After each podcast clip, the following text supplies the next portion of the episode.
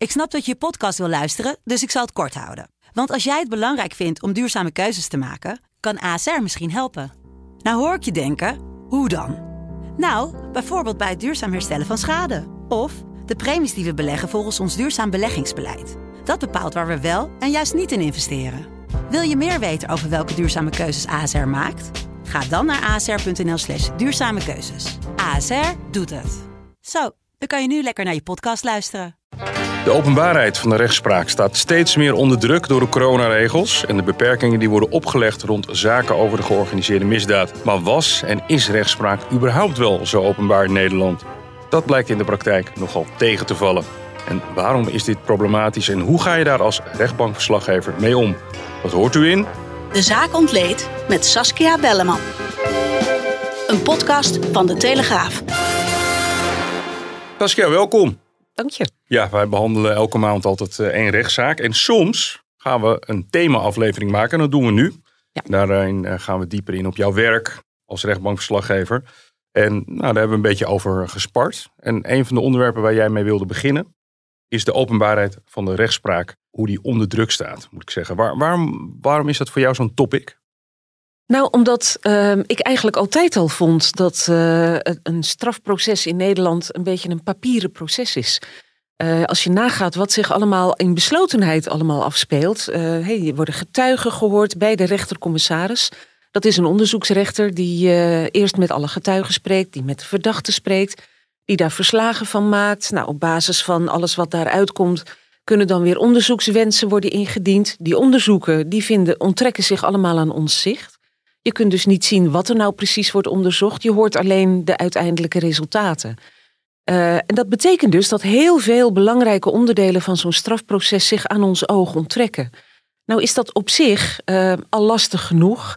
Maar als dan vervolgens ook nog tijdens de zitting uh, blijkt dat een rechter bijvoorbeeld vindt van nou ja, alle procespartijen hebben de stukken gelezen, we hebben van alles uitgewisseld, u weet allemaal waar het over gaat, dus daar hoeven we niet meer al te lang bij stil te staan ja, dan komt die openbaarheid wel heel ernstig onder druk te staan. En die openbaarheid van de rechtspraak, die hebben we nou juist omdat rechters hele ingrijpende beslissingen nemen in het leven van mensen. Ze beslissen over uh, de vraag of je uh, naar huis mag of dat je een paar weken de gevangenis in moet. En in een aantal gevallen ook uh, een aantal jaren, soms zelfs levenslang. Dat zijn enorme consequenties uh, die dat heeft voor levens van mensen. En dat kun je niet in achterkamertjes oplossen. Dat moet je in de openbaarheid doen. Het moet controleerbaar zijn. Ja, is er, wat ik me opeens eigenlijk afvraag, is er nooit een keer een gelegenheid geweest om een proces bij de RC, de rechtercommissarissen, bij te wonen? Want dat is, ik heb ook veel rechtszaken bijgewoond vroeger. Eigenlijk inderdaad realiseer ik me dat dat een een proces is waarvan je totaal niet weet hoe dat gaat. Nee, dat hoe klopt. is de setting überhaupt daar? Ja. Ik heb een paar keer meegemaakt dat uh, ondervragingen in, uh, in zaken in het openbaar waren bij de rechtercommissaris. Dan val je wel van de ene verbazing in de andere hoor. Want dat gaat op zo'n hopeloos ouderwetse manier. Er worden dus uh, vragen gesteld aan getuigen. Nou, ik heb dat bijvoorbeeld meegemaakt in de zaak van Julio Potsch, de, ja. de Argentijnse piloot. Die werd beschuldigd van het uitvoeren van die vluchten des doods, waarbij mensen, tegenstanders van het regime, uit vliegtuigen werden gegooid. Daar moesten getuigenverhoren plaatsvinden, eigenlijk voor de Argentijnse rechtbank. Maar dat is natuurlijk een beetje lastig om al die, uh, die getuigen naar Argentinië te halen. Dus dat was gedelegeerd aan de Nederlandse rechtercommissaris. En dat was ook openbaar, daar mochten we bij zitten. Nou, wat je dan merkt is, dan worden uh, getuigen ondervraagd. Uh, dat gaat op een redelijk methodische manier. Maar om de vier minuten zegt dan de rechtercommissaris: Oké, even stoppen. En die gaat dan vervolgens dicteren aan een griffier wat daar uh, gezegd is door een getuige. Terwijl iedereen dan in opperste verwarring naar elkaar kijkt van... mijn god, waarom neem je dat niet gewoon even op de band op en werk je dat later uit? Maar er zit ook wel een gedachte achter, hè? want meteen na dat verhoor moet zo'n getuige ook de weergave even kunnen lezen... Uh, en kunnen zeggen van nou, ik ben ermee akkoord en, uh, en een handtekening zetten. En pas dan mag, je, mag je dat gebruiken. Dus de ogen maar, vielen een beetje van... Nou ja, het, weet je, dat is een proces. van je ogen moet ik ja, zeggen. Ja, dat kost uren en uren. En uh, ja, je kunt je voorstellen dat daardoor die aanloop uh, naar bepaalde strafzaken, voordat ze eindelijk eens een keer inhoudelijk klaar zijn, ook wel heel erg lang duurt. Ja, dat is dus die beroemde RC. Ja. Um, hoe zit het met vertrouwen in de, in de rechtspraak? Want um, ja, wij zijn allemaal burgers van deze maatschappij. En laat ik een, een, een persoonlijke ergernis dat ik te vaak hoor dat mensen zeggen: in Nederland wordt heel sloom, ges- eh, sloom gestraft, heel laag Ja. gestraft, Ja, is- taakstrafje. ja. Terwijl ik begrijp wel eens van jou, dat is echt het omgekeerde eigenlijk. Ja, er wordt in Nederland eh, relatief streng gestraft als je dat vergelijkt met andere Europese landen. Kijk, het beeld dat heel veel mensen hebben van rechtspraak is natuurlijk gebaseerd op Amerikaanse films. En dan, z- dan krijg je enorme eh, zaken die, die zich afspelen en dan wordt er eh, vier keer levenslang opgelegd. Nou, dan denken heel veel mensen van wauw, dat is pas doorpakken. Nou, dat is dus echt onzin. Eh, vier keer levenslang is sowieso onzin, want hoeveel mensenlevens heb je? Dat is er maar één. Maar mensen die krijgen dan 250 jaar opgelegd. Bijvoorbeeld, nou, dat, dat, Stapelen ze. dat klinkt natuurlijk draconisch en het slaat ook nergens op. Want zo'n vier keer levenslang mogen ze dan ook nog tegelijkertijd uitzitten. Dus dat loopt allemaal tegelijkertijd. Het is niet dat je er één van uitzit en dan begint de volgende. Zo werkt dat niet. Dus nee, het is realistischer in, eh, in Nederland, maar het is zeker niet milder. En eh, er worden eigenlijk pittige straffen uitgedeeld eh, als je dat vergelijkt met andere Europese landen. Wat mensen vaak doen is zich blind staren op ja, een oordeel dat ze niet begrijpen. En heel vaak zie je dat dat is in zaken van verkeersongelukken waarbij doden zijn gevallen. Eh, ja, en dat is dan in de ogen van veel burgers eh, simpelweg moord. Maar zo ligt het natuurlijk niet. Een moord pleeg je met voorbedachte raden, die plan je. Je gaat nadenken over hoe je die gaat uitvoeren. Je schaft een wapen aan, dat soort dingen. Nou, een auto kan een wapen zijn, maar het wordt zelden ingezet als, als een wapen om een moord te plegen. Echt bewust en van tevoren bedacht. Ehm, wat het wel is, is een, eh, ja, een schulddelict. Je kunt, omdat je eventjes niet hebt opgelet, iemand doodrijden. Het had ook een paaltje kunnen zijn. En dat is waar een rechter naar kijkt. Doet iemand het met opzet, dan is het natuurlijk een heel zwaar delict. Doet iemand het omdat hij een moment van onoplettendheid heeft gehad, ja, dan is het wel jouw schuld. Alleen wordt dat natuurlijk minder zwaar bestraft. Want ga je zelf maar na als je achter het stuur zit. Iedereen heeft wel eens een moment van onoplettendheid. En je hebt geluk als er dan in dat moment niks gebeurt. En soms kun je gewoon dikke pech hebben. De rechtspraak gaat ook niet over emotie. Gaat over feiten. Wat is daar nou gebeurd? En inderdaad, wat is de in- intentie? En ik krijg dan ook het idee dat, dat dat iets is wat mensen niet begrijpen. Dat je het ontdoet van alle emoties. Want Ja. natuurlijk staat er een prachtig groot interview met een nabestaande die zijn kind kwijt is. Of zijn Ja. vader en moeder. Alleen inderdaad, net wat jij zegt, die, diegene achter het stuur, die had die intentie niet. Nee, dat klopt. Kijk, het is. Er zijn natuurlijk ook gradaties van schuld. Als iemand eh, dronken achter het stuur stapt en eh, op zijn telefoon zit te kijken en gewoon niet oplet, ja, dat is natuurlijk veel zwaarder eh, dan wanneer iemand gewoon eventjes wegzakt en eventjes niet, niet er helemaal bij is. Maar de gevolgen kunnen even erg zijn. Maar de rechter houdt natuurlijk wel gewoon rekening met wie is deze verdachte, wat heeft hij gedaan daar achter het stuur, met de feiten. Daar moet op geoordeeld worden. En die emoties, die horen ook thuis in de rechtszaal hoor. Daar zijn verschillende stromingen van.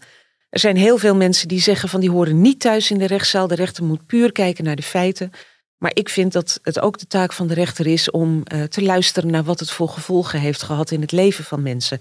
Maar dan nog moet de rechter kijken naar de feiten, wat kan bewezen worden en wat niet, en op basis daarvan beoordelen. Saskia, wij op social media horen en zien wij voornamelijk mensen die altijd boos zijn. Ja. Maar de Raad van de Rechtspraak doet natuurlijk ook onderzoeken. En die, ja, wat, wat is daar zo'n beetje het gemiddelde uit? Nou, ik weet het percentage niet exact, maar volgens mij ligt het vertrouwen in de rechtspraak eh, dik boven de 70 procent. Ik denk ook dat het een beetje afhangt van het moment waarop je het gaat meten. Ik denk als je na de toeslagenaffaire en de toch wel dubieuze rol die rechters daarin hebben gespeeld, zou gaan meten, dan keltert dat percentage uiteraard wel.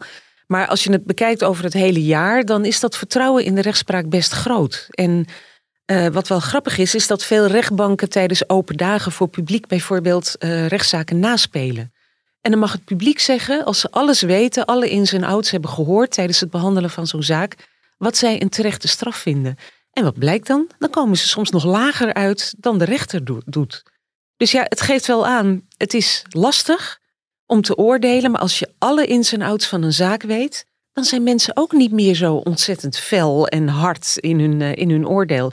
Ja, en wat je hier natuurlijk ook moet realiseren is dat mensen die op Twitter en op, op Facebook en op eh, Instagram hun, eh, hun gram uiten, dat is over het algemeen toch maar een hele kleine groep hoor. Ja. Ze roeren zich, ze zijn luidruchtig en ze zijn fel.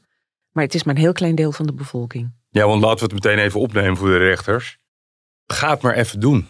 Ga maar eventjes Ja. zeggen Ja. over iemand die, al, waar je toch een soort van band in weken mee opbouwt in zo'n rechts, Ja. rechtszaal, eh, in zo'n, tijdens zo'n zitting. En dan zeggen, nou meneer, u ga, ik ga u voor twintig jaar, Ja. ga ik u in een, in een eh, gevangenis opsluiten. Dat is loodzwaar. En ik heb regelmatig bij zaken dat ik denk, mijn god, wat ben ik blij dat ik niet in de schoenen van die rechter sta. En kijk, het is denk ik wat makkelijker als je het hebt over zaken die gaan over georganiseerde misdaad. Mensen die gewoon wel bewust misdaden andere plegen. mensen doodmaken. Precies. En die, die gewoon niets ontziend eh, te werk gaan. Maar eigenlijk, wat ik heel vaak meemaak eh, in rechtbanken, is dat in de, in de verdachtebank geen crimineel eh, zit. Het is gewoon een mens bij wie in het leven het een en ander vreselijk mis is gegaan. En die op een gegeven moment snapt en in staat blijkt te zijn tot iets verschrikkelijks. En ja, dat moet bestraft worden. Maar je ziet tegelijkertijd ook iemand zitten die dit nooit heeft gewild. En die zelf ook niet begrijpt hoe die zo ver is gekomen. En dat maak ik vaker mee dan echte criminelen in de verdachtebank. We hebben het over de openbaarheid, hè, voor, dat wordt onze rode draad. Ehm, is er wel eens een situatie geweest waarbij journalisten, laten we dan de pers even eruit lichten, waarbij die echt correcties heeft aangebracht? Ja, ik denk dan meteen aan de beroemde gerechtelijke dwalingen zoals Schiedam en ja, eh, de Schiedammer Put- Putse Parkmoord, moordzaak. de Puttense moordzaak. Ja, daar hebben eh, journalisten wel degelijk een belangrijke rol in gespeeld. Peter R. de Vries met name. In deze zaken heeft zich daarin vastgebeten. En uiteindelijk heeft dat toch eh, tot gevolg gehad. Dat bleek dat eh, de verkeerde mensen waren veroordeeld. Eh, dat toch politie, justitie, rechtspraak in een soort tunnelvisie terecht waren gekomen waar ze niet meer uitkwamen. Met als gevolg dat de verkeerde mensen zijn veroordeeld. Nou, dat is natuurlijk dramatisch. Ehm, het is misschien makkelijk om te zeggen van je kunt beter één verdachte te veel laten lopen die het wel heeft gedaan, dan er eentje veroordelen die het niet heeft gedaan. Maar het is natuurlijk wel zo, als iemand onschuldig veroordeeld wordt, is dat dramatisch. Nou, het meest recente voorbeeld is misschien ook nog wel ehm, de Puttense moordzaak. Uh, neem me niet, niet kwalijk, nee, niet de Puttense moordzaak, maar de, de Deventer moordzaak. Daar heeft zich natuurlijk een heleboel eh, rond afgespeeld. Ehm, Bas eh, de Haan, onderzoeksjournalist, heeft zich in die zaak eh, vastgebeten en kwam eigenlijk tot de conclusie van ja, ik ging erin met de gedachte dat die Ernst Lauwers het wel moest hebben gedaan. Ehm, toen dat zag ik zijn reactie op zijn veroordeling en ik dacht nee, hij heeft het niet gedaan, want anders reageer je niet zo. En ja, Maurice de Hond, de opiniepeiler, heeft een dubieuze rol gespeeld in die zaak. Die heeft eindeloos uh, aangezwengeld dat het de klusjesman was geweest die een rijke weduwe had vermoord. En eigenlijk is in de publieke opinie vervolgens die klusjesman uh, schuldig bevonden. Terwijl rechters toch meermalen op grond van hele goede argumenten tot de conclusie kwamen dat Ernst Lauwers uh, haar, haar gedood heeft. Nou, daar kun je dus zien hoe, hoe ongelooflijk het belangrijk is dat ook journalisten zich vastbijten in zaken als ze het gevoel krijgen van hier klopt iets niet, dat ze daar ook mee aan de slag gaan. En ja, dat heeft soms ook tot gevolg dat er een heel ander, uh, andere blik op zo'n zaak ontstaat en dat zo'n zaak wordt heropend en vervolgens leidt tot een andere uitkomst. Jij bent de, de officieuze Twitter-koningin van Nederland als het gaat om, om rechtszaken. Uh, ja, wat altijd mooi is om te zien is dat je altijd in in dialoog gaat. Althans, met ja. sommige van je twitteraars, dat kun je natuurlijk niet met iedereen doen, dan heb je een dagtaak aan. Wat, wat, wat is nou hetgeen wat jij het meest tegenkomt? Uh, nou, toch wat ik net al zei, dat mensen hun beeld over de rechtspraak baseren op uh, Amerikaanse films. Dus dan krijg je vragen als, wanneer doet de jury uitspraak? ja, wij hebben natuurlijk geen juryrechtspraak. En is, is, um, zijn mensen soms zo ver van de werkelijkheid ja, af? Ja, echt ja, waar? ja, echt. Ja, maar ja, je kunt je voorstellen uh, dat het het is lastig om, om uit te vissen wanneer je eigenlijk naar een zaak kunt. Er wordt wel gezegd, de rechtspraak is openbaar. Je kunt naar de rechtbank toe. Je kunt zaken gewoon bezoeken. En de rechtspraak is een beetje van oordeel dat het openzetten van een deur genoeg is. Maar zo werkt het natuurlijk niet. Je nee. wilt weten als publiek, um, waar kan ik naartoe? Welke zaak dient? Nou, daar begint het al met de informatie vooraf. Dat kun je heel best doen zonder dat je de privacy van verdachten en allerlei andere mensen schendt. Want je kunt een zaak anonimiseren, op de site zetten. En dan kunnen mensen een keus maken en denken, nou dat vind ik interessant, daar wil ik naartoe. Uh, maar ze hebben geen namen. Dus dan komen ze vervolgens bij zo'n rechtbank. Dat is al een imponerend gebouw. Dat zijn vaak tamelijk intimiderende uh, gebouwen. Je gaat naar binnen, je moet je melden bij een bode die achter kogelvrij glas zit. En Die vraagt dan, nou, naar welke zaak wilt u? En dan ga je hem beschrijven, hè? want je, je vertelt gewoon wat je op de site hebt zien staan. En dan zegt die bode, ja, daar kan ik niks mee. Ik moet een naam hebben, ik moet een parketnummer hebben. Ja, en die heb je niet. Je moet Dus altijd de achternaam eigenlijk van de, van de verdachte hebben. Eigenlijk wel. die daar moet je en die weet je niet. Nee. Nee. die krijg je niet. En dat, heeft, dat is om goede redenen natuurlijk. Maar dat maakt al meteen dat het moeilijk wordt om naar binnen te komen en zo'n zaak te bezoeken. Nou, stel dat je die horde hebt genomen. En je komt dan vervolgens bij, eh, bij de bode boven, waar, waar zo'n zittingszaal is. En die wil dan weten wat jouw rol eigenlijk is. Waarom kom je? Nou, dat is, eh, bij sommige rechtbanken gaat dat heel goed hoor. Dan word je gastvrij onthaald en word je een plaats op de publieke tribune gewezen. En krijg je te horen wat je, wat je wel en niet mag doen. Maar soms, ja, dan is het bijvoorbeeld druk. En dan eh, krijg je te horen van ja, sorry, maar de zaal zit vol. Dus ik, eh, u komt er niet meer in. Ehm, ja, en het, het is iedere keer weer een strijd om, om de rechtspraak ook duidelijk te maken van mensen. Openbaarheid van de rechtspraak is ook informatie vooraf. En is ook duidelijk maken aan mensen hoe ze binnenkomen. En is ook duidelijk maken eh, aan welke voorwaarden ze moeten voldoen. Om een klein voorbeeldje te noemen. ehm, de zaak Holleder, er was enorm veel belangstelling voor toen die bij de rechtbank diende. Ik heb ook in de rij gestaan. Nou, Precies. die, die liep, dat was een 100 meter of Ja, zo. die ging de hoek om zelfs. Ja, dat was echt enorm. Die, ik had nog nooit zoveel mensen voor een rechtszaak in de rij zien staan. Maar wat in eerste instantie niet was meegedeeld, was dat mensen geen telefoon mee naar binnen mochten nemen, geen laptop, geen iPad, tenzij ze eh, van de professionele media waren. Daar sta je dan. En daar sta je dan. Want ja, wie heeft er nou tegenwoordig geen telefoon op zak? Heeft iedereen. Maar die bunker is vrij klein. Er zijn geen kluisjes waar je dat soort dingen in kunt leggen. Dus dan ben je eindelijk doorgedrongen tot het voorste deel van de rij. En dan krijg je te horen dat je weer kunt omdraaien omdat je geen telefoon mee mag nemen. Nee. Nou, dat is pas later, nadat wij daar kritiek op hadden geleverd als journalisten, eh, is daar een mededeling over op de website gezet. Maar ja, dat, dat moet je dus wel iedere keer weer onder de aandacht brengen. En ja, het is. ehm, Er zit, iets, er zit iets wereldvreemds in af en toe. ja. ja, dat idee van iedereen snapt wel hoe die binnen moet komen. En, en dat je een zaak zomaar mag bijwonen. Maar ja, zo werkt het niet hoor in de praktijk. Ik maak vaak genoeg mee dat ik in een zaal zit en dan komt er iemand binnen en die gaat achterin zitten. Dat zo'n rechter toch enigszins verstoord vraagt van en wie bent u en wat, eh, wat komt u doen? Nou, dat, ik denk dat eh, hè, als je al eenmaal doorgedrongen bent tot die zaak, dan heb je al aardig wat hordes gehad. Dat je niet echt het gevoel krijgt als publiek dat je heel welkom bent. Heb jij ook soms niet het idee dat, en dit is een beetje, misschien een beetje een gekke uitspraak, maar dat rechters soms een beetje wereldvreemd zijn? Het zijn altijd mensen waarvan ik het idee heb, ehm, die zitten volgens mij de hele dag in een of andere studeerkamer. Eh, gaan vaak met hoogopgeleide mensen om. Ehm, ik, ik vind ze, en terwijl de verdachten zijn vaak hele volkse mensen. Het is vaak Mhm. al één grote tegenstelling hè, op dat moment. Ja, dat is zo. Ehm, aan de andere kant denk ik toch niet dat ze zo wereldvreemd zijn. Want het zijn natuurlijk ook gewoon mensen die in een wijk wonen en die een gezin hebben. En die hun boodschappen doen bij de supermarkt. En die, die gewoon normale dingen meemaken zoals jij en ik. Ehm, soms heb ik dat wel eens. Dat ik denk van, oh, dit, hier zit wel heel veel afstand tussen. Eh, met name een keer tijdens een zaak waar zo'n jongen eh, moest voorkomen. Ik weet niet eens meer waarvoor dat was. Maar hij was volkomen ongeïnteresseerd. eh, sprak de rechter aan met yo. En weet je, dat sprak straattaal, wat die rechter gewoon niet begreep. Dus dat, dat waren Waren twee twee, niet communicerende planeten hoor. Nee, precies. Dat ging echt, dat was bijna lachwekkend, ja. Als je bij een, eh, vooral bij een grote rechtszaak komt, dan zie je altijd die, eh, die dossiers, die staan er wel eens achter, hè, afhankelijk Ja. van welke rechtbank je bent. Ja. Dan denk je, dat kun je nooit van zijn leven allemaal hebben gelezen. Ehm, ik weet ook niet hoe dat er gaat. Die rechters hebben natuurlijk nog een, een team van, van onderzoekers om zich heen. ja. Ehm, eigenlijk is het bijna niet te doen om alle details te delen, ook met het grote publiek van jou als pers. Nee, nee, dat is ook zo. En, en daar ben ik me ook van bewust eh, dat dat bijna onmogelijk is. En tegelijkertijd denk ik wel eens van het zou wel wat meer mogen dan nu gebeurt. Ehm, je hebt inderdaad hele omvangrijke details met w- eh, omvangrijke dossiers met waanzinnig veel details. En niet alle details doen er natuurlijk evenveel toe.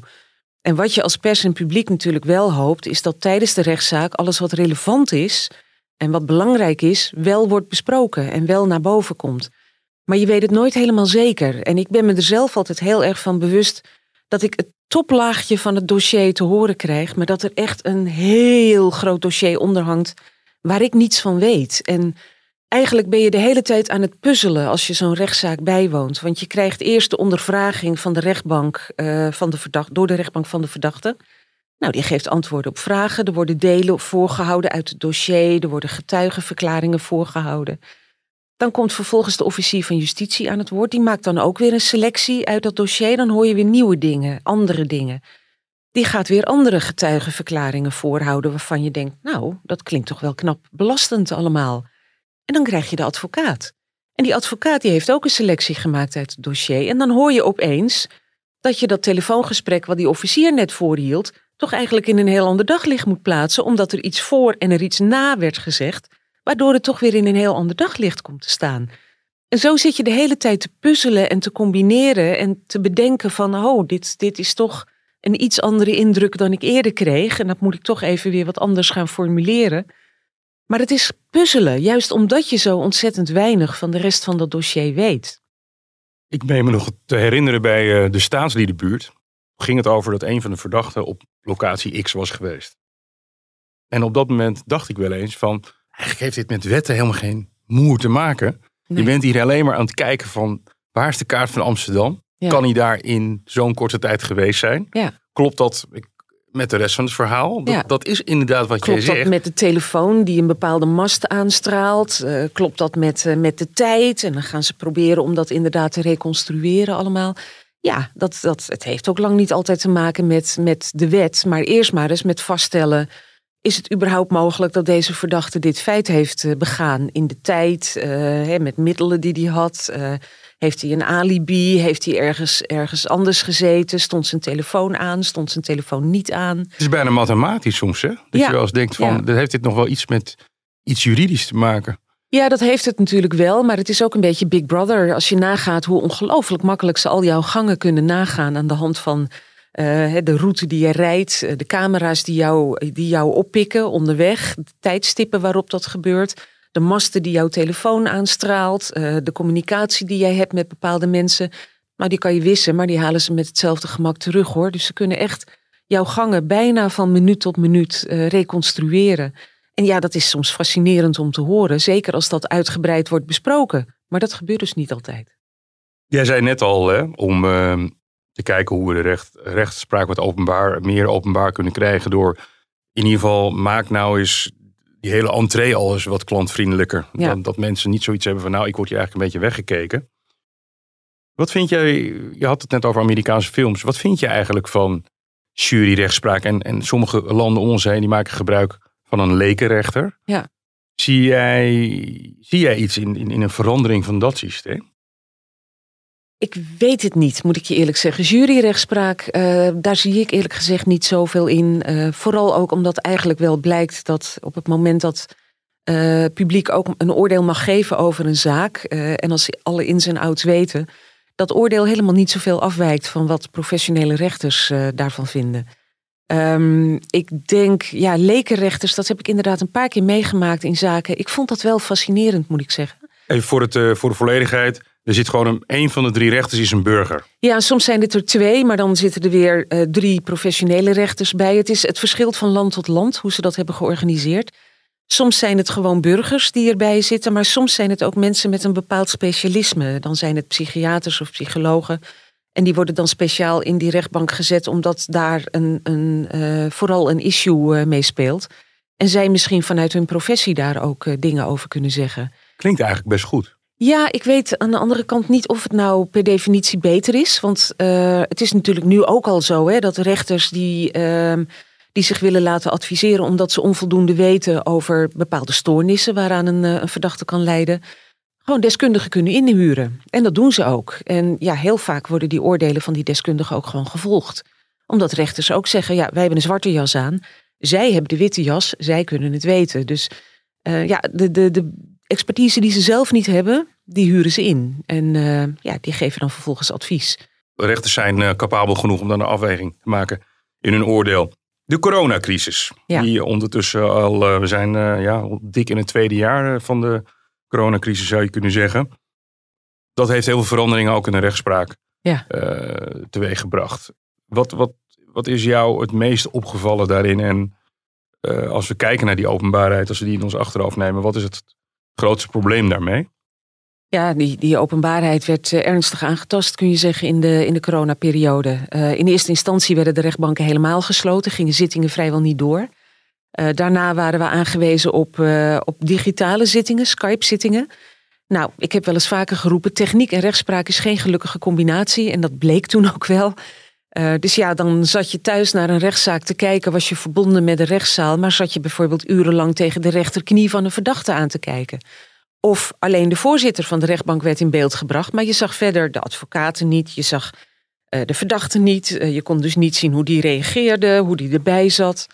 Um, soms was het ook zo dat uh, bijvoorbeeld advocaten van de nabestaanden en slachtoffers in de zaal zaten, maar geen microfoon hadden. Dus die waren dan wel aan het woord, maar je kon niet horen wat ze zeiden. Dus nou, dat had behoorlijk wat, uh, wat uh, consequenties. En rechters waren zich er niet altijd van bewust dat er mensen op afstand meekeken. En dus ook gewoon die zaak moesten kunnen volgen. En het bleek ook heel lastig om tegen rechtbanken te zeggen van... hé, hey, geef die camera eens een zetje, want dan kunnen we tenminste wat meer deelnemers zien. Ja, kregen we dan te horen, die camera heeft een vaste positie en dat kan allemaal niet. Nou, moeilijk, moeilijk. Dus het was heel erg lastig om zaken te volgen. Daarna werden de rechtbanken beperkt opengesteld. Dat hield in dat pers er mondjesmaat in mocht. Heel weinig plekken. Heel weinig plekken. Publiek mocht er sowieso niet in. Uh, en pers uh, moest zich aanmelden. En ja, dan kreeg je soms te horen vol is vol. En dan moet je het toch weer via Skype gaan volgen. En als je behoorde bij de gelukkigen die wel in de zaal terechtkwamen, nou dan kon je de zaak op een, uh, op een relatief normale manier volgen.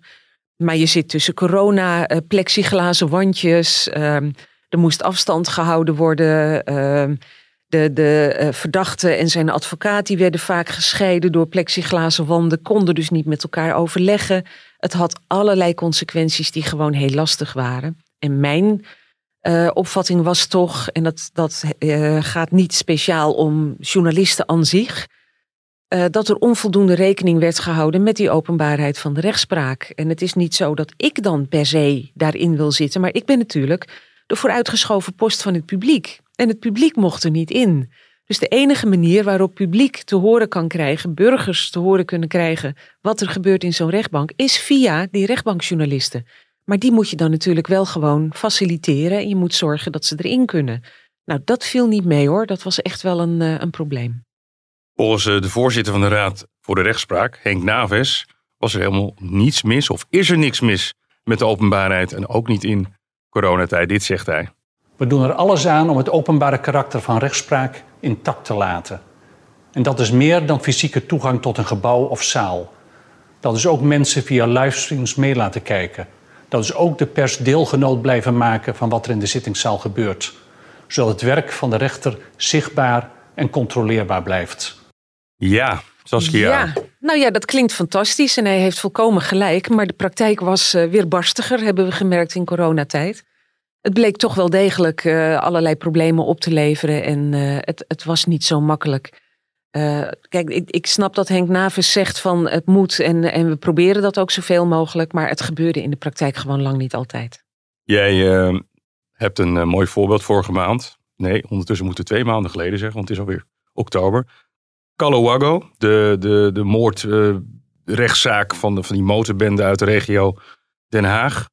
Uh, Utrecht eigenlijk. Ja, uh, ja inderdaad. Maar de komt volgens mij uit de regio Den Haag, toch? Uh, dat Althans, die hoofdverdachte. Ja, ja de, de, um, Delano. De zaak, ja, precies. Ja, de, precies. de, zaak speelt bij de rechtbank Midden-Nederland, okay. Utrecht, zeg maar. en heel veel van die leden van Calowago komen uit die regio. Um, ja, Calowago, die motorclub, uh, wordt geacht uh, het moordcommando te zijn geweest van onder andere Ridouan Taghi, de hoofdverdachte in het grote Marengo-proces. Ja, en die zaak die loopt op dit moment. Um, maar dan blijkt dus dat, uh, dat als je daar komt als journalist meteen bij aanvang, dat er heel erg veel onder onsjes zijn geweest tussen de verdediging, het Openbaar Ministerie, de rechtbank, waarin dus van alles en nog wat afgekaart bleek, waar wij als journalisten en dus ook als publiek geen weet van hadden. En daar werd ook eigenlijk vrijwel niet bij stilgestaan. Want ja, nou ja, alle procesdeelnemers hebben de stukken gelezen. We weten allemaal waar het over gaat. En uh, daar hoeven we dus verder niet meer over te hebben. En wij zaten elkaar aan te kijken met van pardon, waar gaat dit over? En mogen wij misschien ook even weten wat, wat dit inhoudt? Er was helemaal geen context op dat moment meer. Totaal geen context. We wisten gewoon echt niet waar dit over ging. Ja, en dan Uh, als ik dan de woorden van Henk Naves hoor, denk ik ja, dat is de theorie. Maar de praktijk is wat wij meemaken. En dat, bleek, dat blijkt gewoon in, uh, in de praktijk niet altijd even goed te lopen. En dat, uh, ja, daar, ik vind dus wel dat rechters zich daar meer van bewust moeten zijn. En dat zijn veel rechters, gelukkig. Maar ook veel rechters niet. En ja, het grappige is, ik heb ooit een keer een voordracht gehouden voor rechters. waarin ik ook het belang van die openbaarheid benadrukte. En ook zei dat zich dat uitstrekt over de voorfase, dat je ook van tevoren veel informatie moet geven om mensen duidelijk te maken waar het over gaat. Waarop er een jonge rechter opstond en zei: Ja, maar hoe zit het dan met de privacy van de verdachte? Ja, dan rol ik bijna van mijn stoel. Dan denk ik: Goh, dit is dus iemand die geacht wordt de wet te kennen. En die openbaarheid van de rechtspraak die staat verankerd in de wet. Kom op, beste rechter. U weet toch ook wel dat u uh, verplicht bent om daaraan te voldoen. En nogmaals, dat gaat verder dan alleen maar de deur van je zaal openzetten. Sowieso hè, zijn uh, processen rondom georganiseerde misdaad zitten vol met allerlei ja, dus laten we het zo geen geheimen noemen, maar restricties. Ja. Uh, is, merk je dat die, dat die schaal steeds verder glijdt? Ja, uh, als pers krijgen we altijd een waslijst aan voorwaarden als het gaat om die grote zaken rond georganiseerde criminaliteit, zoals Marengo en Eris. Uh, dan mag je de namen van de officieren van justitie niet noemen. Althans, er wordt een dringend beroep op je gedaan om die niet te noemen, want ze kunnen het je niet verplichten. Datzelfde geldt voor de namen van de rechters en de griffiers. Ze willen ook niet dat je die namen noemt. Gek genoeg wordt datzelfde verzoek niet gedaan over de advocaten, terwijl wij toch natuurlijk gezien hebben dat er een advocaat is vermoord vanwege zijn werk, Dirk Wiersum, en nog niet een rechter of een officier van justitie. Uh, dat zijn allemaal restricties die wij krijgen. Tekenaars mogen uh, de rechters en de officieren niet herkenbaar afbeelden, terwijl dat normaal gesproken met alle procesdeelnemers wel mag. En wat zie je? Dat dat zich nu ook begint uit te strekken over allerlei veel kleinere zaakjes. Dus opeens worden er op zittingslijsten geen namen meer vermeld van officieren van justitie en van de voorzitter van de rechtbank. Ehm, terwijl dat voor die tijd wel altijd gebeurde. En dat gaat dan niet over zaken rond georganiseerde criminaliteit. Ik heb zelf een treffend voorbeeld nog meegemaakt in Den Haag. Een politierechterzitting tegen twee dames van in de vijftig. Uh, nou ja, die volledig in de ban waren van uh, de viruswappies. En die uh, vernielingen hadden gepleegd en die onzin hadden verspreid en bedreigingen hadden geuit in de richting van Rutte en, en Hugo de Jonge, minister Hugo de Jonge. Die moesten voorkomen en wij kregen bij aanvang het verzoek of we niet de naam van de officier van justitie en van de rechter wilden noemen. En dan heb je het over een politierechterzitting, een kleine zaak waar geen georganiseerde crimin criminaliteit omheen hangt. Ik snap wel dat ze het misschien vervelend vinden dat hun naam gaat circuleren in de groep van de viruswappies, maar het is een fout signaal het straalt angst uit. Het straalt uit dat je je laat intimideren door mensen die mogelijk uh, nou, jouw naam hebben en daar iets mee gaan doen. Uh, en dat moet je juist niet willen. Je moet als openbaar ministerie en je moet als rechtspraak geen angst uitstralen. Je moet niet laten zien dat je je laat intimideren. Je moet gewoon in openheid je werk doen. En ik snap het wel als het gaat om zaken rond georganiseerde criminaliteit, want daar is wel degelijk sprake van een zekere dreiging. Uh, maar ik snap het niet bij die kleinere zaken en het is ook niet nodig. Dus ja, ik zou bij deze ook eigenlijk een oproep willen doen aan het Openbaar Ministerie en de rechtspraak. Hou je rug recht en laat je niet intimideren. Het enige wat je dan wel daartegen in zou kunnen brengen, is dat bijvoorbeeld, uh, je zag het bij die mevrouw van de avondklok. Dat was die, uh, die rechter die toen vanwege een medisch verleden nogal moeilijk sprak. Die, even voor het geheugen dat je meteen zag hoeveel focus er was op die mevrouw vanuit die viruswappiehoek. Ja. Uh, wat dat betreft zijn de rechters ook wel een klein beetje uit, uh, uit hun anonimiteit gehaald. Hè? Ja, dat, en dat heeft onmiskenbaar ook nadelen hoor. Mensen hebben heel sterk de neiging om, uh, zelfs als er een meervoudige kamer zit met drie rechters, toch die voorzitter te zien als de kwade genius. Hè, als het oordeel gewoon uitpakt ehm, nou, in het nadeel van bepaalde groeperingen dan wordt alle focus gericht op die rechter en die heeft het gedaan en die wordt aan de schandpaal genageld. Ja, dat is inderdaad uh, de keerzijde. Aan de andere kant, het is nog steeds een kleine groep die dat doet. En uh, ik denk dat wij ook een rol hebben als rechtbankverslaggevers daarin om dat ook te nuanceren en om duidelijk te maken, hou even, het is niet één rechter hè, die dat oordeel velt, het zijn er meer. Er wordt goed over nagedacht, het is heel goed onderbouwd. Ehm, en dat is wat, wat heel veel mensen die makkelijk oordelen niet doen. Die lezen geen vonnis. Die oordelen gewoon op basis van één klein berichtje, een losse tweet. En denken dan dat ze daar meteen een oordeel over kunnen vellen. Terwijl ik zou denken van lees eerst maar even het hele verslag. En kom dan even terug met een, uh, met een uh, opvatting daarover. Maar doe dat niet vanuit je onderbuik. Want zo simpel ligt het niet doorgaans. Dan ga jij iets vertellen over het uh, nieuwe wetboek van, van strafvordering dat eraan zit te komen. Want daar staat ook iets in hè, over de openbaarheid. Ja. En dat die misschien wel nog meer besloten wordt. Um, wat, wat wil je daarover zeggen? Ja, nou ik hoop niet dat luisteraars nu gaan afhaken, want wetboeken, strafvordering, dat klinkt natuurlijk bloedsaai, maar dat is het wetboek waarin wordt geregeld hoe misdrijven worden gestraft. Dus dat is niet onbelangrijk. Nou, dat wetboek dateerde al van 1926, stokoud dus. Het is in die tussentijd 150 keer gewijzigd, maar dat heeft nog niet geleid tot een modern wetboek. Nou, dat is nu wel gemoderniseerd. Dat zal over niet al te lange tijd in werking gaan treden. Maar er is één element waar ik wel een beetje ongerust over ben. Uh, in dat wetboek wordt geregeld dat de nadruk veel meer komt te liggen in strafzaken in die voorfase. En dat is die fase waar pers en publiek niet bij mogen zijn. Dus de rol van de rechtercommissaris, die onderzoeksrechter, die wordt belangrijker. Die moet er eigenlijk voor zorgen dat die zaak panklaar wordt afgeleverd op de zitting dat er eigenlijk door de verdediging geen onderzoekswensen meer hoeven te worden ingediend, want dat is allemaal al geregeld in die voorfase. En waar ik me nou zorgen over maak is dat je straks zit te luisteren naar een soort ja, monoloog van de rechtbank, uh, die gaat voorlezen wat er allemaal in dat dossier staat. Als je mazzel hebt, want het kan natuurlijk ook nog zijn dat die rechter zegt, wat we nu al meemaken, uh, Iedereen heeft het gelezen, de procespartijen, dus de advocaat, de officier van justitie, eh, de rechters. Dus we hoeven dat niet meer zo uitgebreid te bespreken. Ja, en dan wordt openbaarheid van de rechtspraak natuurlijk een dode letter. En daar maak ik me een beetje zorgen over. We hebben natuurlijk nog een partij en dat is de advocatuur. Ja. Wat, wat zeggen die daarover? Nou, de advocatuur doet daar soms uh, vrolijk aan mee. Uh, en ik, ik heb uh, daar wel eens een uitgebreid gesprek over gehad met een advocaat die heel erg uh, uh, erop aandrong bij de rechtbank om de persoonlijke omstandigheden van de verdachte niet te uitgebreid te bespreken. Nou, die persoonlijke omstandigheden, dat is een vast onderdeel van een strafzaak. Dan wordt er gesproken over bijvoorbeeld een onderzoek naar de geestvermogens van de verdachte. Was er sprake van een stoornis die van invloed is geweest? Hoe ziet zijn jeugd eruit? Is hij ooit eerder veroordeeld? Uh, zijn er altijd al problemen geweest? Heeft hij hulp gezocht? Nou, allemaal dat soort dingen.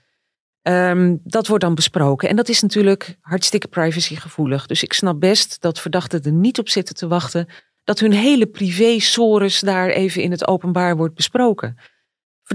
Um, advocaten uh, bepleiten dan ook regelmatig bij de rechtbank om dat zo sumier mogelijk te doen. Ik Terwijl heb tegen dat die, heel belangrijk is. Het is waanzinnig belangrijk. Want, ook voor je begrip. Precies. En ook omdat je soms als je dat beluistert, uh, je iets meer begrijpt van waar zo'n verdachte vandaan komt. En wat misschien van invloed is geweest op zijn handelen. En als dat heel sumier wordt besproken, dan weet je dat niet. Maar het weegt wel mee in het oordeel van de rechter. En als je dat niet bespreekt, dan uh, ontneem je eigenlijk die verdachte de mogelijkheid om, ja, ik zal niet zeggen sympathieker over te komen, maar uh, je kunt minder begrip kweken voor zo'n verdachte en waar die vandaan kwam en hoe die zover gekomen is, dan wanneer je wel die persoonlijke omstandigheden bespreekt. Dus je ontneemt die verdachte ook een kans om, om publiek, uh, nou, zeg maar, te laten begrijpen wat er is gebeurd en wat er in hem is gevaren of in haar is gevaren. Um, en ik, ik snap nogmaals hoor dat het privacygevoelig is, maar het is wel heel belangrijk omdat het meeweegt voor de rechtbank als iemand blijkt onder invloed van een stoornis te hebben gehandeld, uh, verminderd toerekeningsvatbaar is, of misschien zelfs geheel ontoerekeningsvatbaar, dan moet je wel uitleggen waarom. En dan pas wordt het ook voor het publiek begrijpelijk wat zo'n rechter, wat zo'n rechter oordeelt. Ja, en als je dat niet doet, dan blijven mensen denken van, oh ja, het zal wel weer een slechte jeugd zijn geweest en hè, iemand komt er weer makkelijk vanaf. Dat zie ik heel vaak terugkomen op Twitter. Ja, en soms zit ik ook met de onmogelijkheid uh, om het te kunnen uitleggen. Omdat ik het ook niet weet, omdat het niet is besproken. Wat natuurlijk ook echt heel ingewikkeld is. En ik heb echt veel rechtszaken bijgewoond. Subsidiair, primair, ja. um, noem ja. ze maar op de termen dat je denkt, wat staat daar nou in vredesnaam? Ja. Het is geen makkelijk taalgebruik. Nee, nee. En eigenlijk vind ik ook dat uh, juristen in de zaal zich er meer van bewust moeten zijn dat mensen niet snappen wat dat betekent. Kijk, wat het Openbaar Ministerie doet met dat primair en subsidiair is. Ehm, je hebt bijvoorbeeld een verdachte die iemand uh, heeft vermoord. Uh, nou, dan gaan ze primair moord ten laste leggen. Maar 9 van de 10 keer leggen ze secundair doodslag te lasten, omdat ze er een beetje van uitgaan dat het lastig zal worden om die voorbedachte raden te bewijzen. Nou, dan ga je dus ook doodslag of misschien dood door schuld te lasten leggen. En dat, dat, dat Openbaar Ministerie gaat altijd voor meerdere ankers liggen. En waarom doen ze dat nou? Omdat een rechter alleen maar kan veroordelen op wat te lasten wordt gelegd. Maar je Dus- zou ook kunnen zeggen, joh, we gaan in eerste instantie voor moord. Ja, Maar als de bewijslast dat niet helemaal toelaat, dan gaan we ook naar de optie doodslag kijken. Ja, nou, en dat moet je op die manier uitleggen. Precies. Ja. dat zou het een heel stuk begrijpelijker maken voor mensen. En dat gebeurt niet, eh, of te weinig in ieder geval. Je merkt het ook wel eens als eh, getuigen in een zaal worden beëdigd. Eh, hè, die, die moeten de, waarheid en niets dan de waarheid spreken. Een verdachte mag liegen, een getuige niet, want dan pleegt hij mijn. Nou, dan worden ze beëdigd en dan wordt er gevraagd: wilt u de eed of de gelofte afleggen? Nou, dan zie je die mensen al kijken van. eh, nou, doe de zwaarste maar. Nou, dat, hè, Zo is- helpen mij God almachtig. ja, of Krijg zo, dan? krijg je Zo inderdaad zo waarlijk almachtig. helpen mij God allemachtig. Of, hè, dat, mensen snappen gewoon niet wat, wat dat betekent. Leg dat even uit. Ja, ja. En de ene rechter doet dat heel goed en de andere helemaal niet. En ja, dan zie je mensen dus echt in opperste verwarring. Zo van, nou, ja, doe maar allebei. Of, hè, dan dan dat- zit ik altijd goed. Ja, precies. Ja, precies. Ja. En dat, dat, eh, het is natuurlijk voor rechters en voor officieren gesneden koek. Maar dat is het niet voor de gemiddelde burger die in een rechtszaal komt en die opeens moet getuigen. Dus leg dat uit. En ook vonnissen, eh, die zijn soms echt onleesbaar. Daar kun je echt geen chocola van maken. Eh, er is een, een rechter, eh ze heet Joyce Lee, die, eh, die zich enorm beijvert om eh Die zit rechters... op Twitter ook, hè? Die Ja, volg die ik ook. ja, ja. ja. Ja, ja, dat klopt. Ze zit op Twitter en ehm, zij zit ook in de jury van wat dan heet de Klare Taalbokaal. Die wordt ieder jaar uitgereikt aan de rechter die het, het beste vonnis heeft geschreven in de meest begrijpelijke taal. Ik heb één keer de eer gehad om ook in de jury te mogen zitten in een bepaald jaar. Nou ja, wat je dan soms toegestuurd krijgt, dan denk je, mijn god, denkt die rechter nou werkelijk dat dit in aanmerking komt voor die klare taalbokaal? Want het is abracadabra, niemand snapt dit. Eh, Maar er zitten ook hele mooie bij. Echt hele mooie, begrijpelijke vonnissen. Maar wat je merkt is dat rechters natuurlijk toch, eh, zeker als ze wat onzeker zijn, de neiging hebben om terug te vallen op die formules. Die bekende formules die, nou ja, die een bepa- een bepaalde zekerheid bieden dat ze alles in die formule hebben gevat. Dus je moet eigenlijk al aan het, aan het begin beginnen, aan de opleiding. Daar Ja. moet het al, Ja. daar moet al een cultuurverandering ontstaan. Absoluut, ja. Maar soms merk je juist dat jonge rechters eh, nog heel onzeker daarin zijn. En juist weer terugvallen hoor, op die bekende formules. En hoe ouder ze worden, hoe losser ze daarin worden. En wat ik wel heel mooi vind, is dat eh, heel vaak er een speciaal voorleesvonnis wordt gemaakt. Wat in de zaal wordt voorgelezen als het oordeel wordt uitgesproken. En dat is 9 van de 10 keer in prima begrijpelijke taal. Eh, jammer is dan wel weer dat dat voorleesvonnis weer wordt ingedikt in een persbericht dat dan op de, op de website verschijnt. Terwijl ik denk van nou, doe dat hele voorleesvonnis maar. Want dat maakt het voor een heleboel mensen een stuk begrijpelijker. En ja, doorklikken eh, op, de, op het hele vonnis, dat doen gewoon heel veel mensen niet. En je, rechtspraak moet je zien doen om het te kunnen vertrouwen. Dat betekent dus ook dat je het in begrijpelijke taal voorgeschoteld moet krijgen. Hoe kijk je naar eh, al die restricties nog altijd over het filmen? Want eh, gaan we weer even terug naar de Verenigde Staten, hè, ons, ons aller voorbeeld. Waarin iedereen gewoon panklaar wordt gefilmd. Eh, Ja. De rechters worden gefilmd. De, de jury trouwens niet altijd, als het om georganiseerde misdaad gaat. Nee. Eh, Frankrijk die wil ook veel meer opebaar maken nu. Wij zitten nog altijd met de beroemde rechtbanktekeningen. Ja, klopt, die ja. overigens prachtig worden gemaakt door collega Pe- Petra Urban. Ja. Dat is eh, Ja, die tegenwoordig zijn eh, fenomenaal. Ja. fenomenaal. En het is tegenwoordig is het ook digitaler hè, is het, eh, geworden. Het is niet helemaal Ja. alleen maar meer eh, met potlood, zeg maar. Nou, het is wel met potlood, maar op een iPad. Op een Dus, iPad. ja, het zijn geen foto's die worden nagetekend of zo. Het is echt gewoon helemaal vanuit niets opgebouwd in de zaal. Klopt. Ja, wordt het nou toch eens niet eens tijd dat we dat een beetje gaan moderniseren?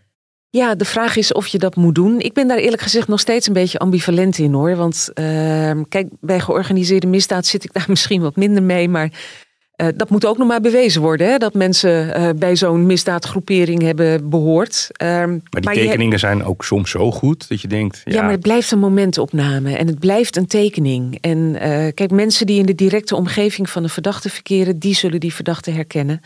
Maar zelden of nooit wordt een verdachte op straat herkend op basis van een rechtbanktekening.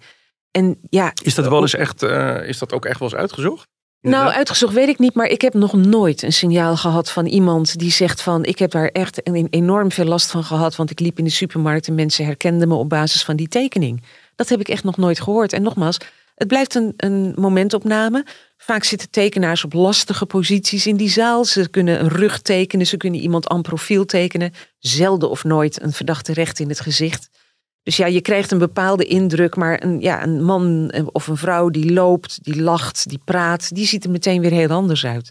We doen, we doen tegenwoordig wel meer audiofragmenten, dat is wel zo. Ja, dat doen we wel. Uh, maar soms wordt ook dat beperkt. Dan moet je een, uh, een stem vervormen, bijvoorbeeld, als hij, als hij heel karakteristiek is. En als een verdachte bezwaar maakt tegen het opnemen van zijn stemgeluid, wordt dat heel vaak wel gehonoreerd door een rechtbank. Um, wat niet wordt gehonoreerd 9 van de 10 keer is een zaak in beslotenheid behandelen. Want ja, die openbaarheid van de rechtspraak, dat staat op zo'n moment toch wel hoog in het vaandel. Ook al worden elementen daaruit wel beslotener. Um, maar ja, het filmen van een verdachte, um, ik weet niet of dat een goed idee is. Want uh, het gaat natuurlijk ook wel om iemand die ooit weer terugkomt in die samenleving. Vroeger of later. En die dan ook zijn leven weer moet kunnen oppakken. Het moet niet zo zijn dat je hem voor zijn leven brandmerkt en... Uh, ja, dat iemand uh, zo herkenbaar is dat hij nooit meer op een normale manier over straat kan. Het risico dat je dan ook loopt, en dat, dat zie je ook gewoon in sommige landen waar het wel zo is, uh, is dat er een soort volksgericht gaat ontstaan. Dat mensen denken van, oh hé, hey, uh, daar heb je die vent, ik zal hem eens even pakken, want ik vind dat de rechter dat niet voldoende heeft gedaan. Wij zijn dus ook nog, nog vrij krampachtig met de achternamen. Ja. ja. Ik kan me nog herinneren, de zwartgeldaffaire ja. bij Ajax, jaren tachtig. Toen ging het over de verdachte Søren L. Ja. Søren L was voetballer, Søren Larry. Iedereen wist wie die man was. Ja, dat en opeens heette hij Søren L. Ja. Ik moet eerlijk zeggen dat ik ook uh, op dat soort momenten zelf niet meer uh, een letter gebruik uh, voor de achternaam. Als iemand zo publiek bekend is dat iedereen het weet. Je gaat ook niet zeggen de burgemeester van Amsterdam, Femke H. Kom op, dat slaat nergens op. Dus nee, die noem je gewoon voluit. Um, ja, en dat, dat is heel vervelend voor mensen die bekend zijn, dat klopt. En uh, die, die voelen zich daar ook vaak dubbel door gestraft. Uh, maar ja, dat is ook een beetje de tol van, uh, van de bekendheid, denk ik. Daar ontkom je niet aan. Nee. Het is op, op het moment dat je hun naam afkort, dat doet er niet meer toe. Mensen snappen toch wel om wie het gaat. maar ik vind dat een verdachte die veroordeeld is, die zijn straf heeft uitgezeten, die boete heeft gedaan, op een gegeven moment ook weer terug moet kunnen komen in de samenleving en een tweede kans verdient. Iedereen verdient een tweede kans. Uh, en als je, je gezicht zo bekend is geworden, je, je gezichtsuitdrukkingen, de manier waarop je zit, de manier waarop je loopt, de manier waarop je lacht en spreekt, uh, als dat allemaal vol in beeld wordt gebracht, ja, dan heb je die, uh, die kans niet meer, want dan hebben mensen hun oordeel vaak al klaar. Dus ik ben daar ambivalent over. En ik, ik heb ook wel gezien hoe het erg mis kan gaan. Hè? Um, vooropgesteld is dat rechtszaken vaak ook dodelijk saai kunnen zijn. Dus ik weet niet of het nou echt een kijkcijferhit gaat worden. Uh, maar een zaak waarin dat wel gebeurd is, helemaal alles in beeld brengen, dat is die eerste zaak Wilders geweest. Daar ja, stonden camera's. Dat wilde, dat wilde, wilde zelf ook, hè? Dat wilde hij zelf ook, ja. Daar zijn dus ook de getuigen in beeld gebracht. Nou, wat zag je nou op een gegeven moment? Er was een getuige, uh, professor Schalke, die werd als getuige gehoord. En die man, die weet precies hoe dat werkt in de rechtspraak. Je bent als getuige, uh, richt je je tot de rechtbank. Dus ook al staat de advocaat die jou vragen stelt, in, dat, in dit geval was dat Bram Moskowitz, achter jou, je moet je richten tot de rechtbank. Er was een getuige voor hem geweest, voor Schalke, die zijn tafeltje omdraaide omdat hij dat raar vond. Dat werd door de rechtbank toegestaan. Dat hadden ze misschien niet moeten doen. Maar daardoor kon hij zowel naar de rechtbank als naar de vragensteller uh, kijken. Schalke deed dat niet. Die deed dat gewoon keurig volgens de regels. En wat zag je in beeld gebracht worden? Een man die met zijn rug naar de vragensteller, namelijk Bram Moskowitz en uh, zijn cliënt Geert Wilders zat. En dan krijg je beeldvorming. Met een beetje opgetrokken schouders uh, en die niet omkeek. Ja, dan krijg je beeldvorming. Iedereen ja. had zoiets van, wat een ontzettend arrogante man. Moet je nou kijken? Hij kijkt niet eens naar degene die hem vragen stelt. En als je dan niet in zo'nzelfde opname gaat uitleggen dat het ook zo moet, dat het zo hoort en dat een rechtbank altijd zegt van kijkt u maar naar ons hoor. U, u, hoeft zich niet om te draaien. U kunt gewoon uw antwoord aan ons geven. Ja, dan, dan ga je, uh, gaan mensen aan de haal met die beeldvorming. Dus dat is ook niet altijd even goed om alles in beeld te brengen. Tenzij je het in een bepaald kader gaat plaatsen en gaat uitleggen. Maar ja, dat gebeurt natuurlijk vaak niet tijdens die rechtstreekse opname. Ik hoor nog veel ambivalentie uh, bij jou over die, over het laatste stukje openbaarheid. Ja. Tot slot, eentje in de categorie eigen verwondering. Zat laatst met een goede vriendin van mij. En die vroeg aan mij, Wilson, ga je nou naar het gerechtshof? Of ga je nou naar de Hoge Raad? Wat is nou eigenlijk de volgorde? Wil jij voor eens en altijd nog even de volgorde uitleggen? Waar beginnen we een rechtszaak? Een zaak begint uh, doorgaans bij de rechtbank. Dat noem je de eerste aanleg, maar dat moet je meteen weer vergeten. De rechtbank komt eerst. Als je het niet eens bent met het vonnis of als het Openbaar Ministerie dat niet is, dan gaat het naar het gerechtshof. En als er dan nog steeds uh, twijfel is over het oordeel, dan kun je naar de Hoge Raad. Dat is de hoogste rechter. En je kunt zelfs, als je het niet eens bent met het oordeel van de Hoge Raad, naar het Europees Hof. Maar dan ben je echt jaren verder. Maar de volgorde is dus rechtbank, gerechtshof, Hoge Raad. Die is voor eens en altijd duidelijk. Bedankt voor al je uitleg. We zien je over een paar weken weer. Dan gaan we het hebben over Calowago. Daar hebben we het al even over gehad. Dat eh, proces is volop gaande. Er zit ook een, een, een kroongetuige in. Tony ja, de G. Tony de G. Ja. Kun je alvast een tipje van de sluier oplichten van... Wat speelt er eigenlijk allemaal in die zaak? Ja, nou ja, het gaat eigenlijk om, eh, om uh, zeker zoveel levensdelicten als dat andere grote proces Marengo. Uh, ik geloof iets van elf moordopdrachten, vijf of zes uh, liquidaties.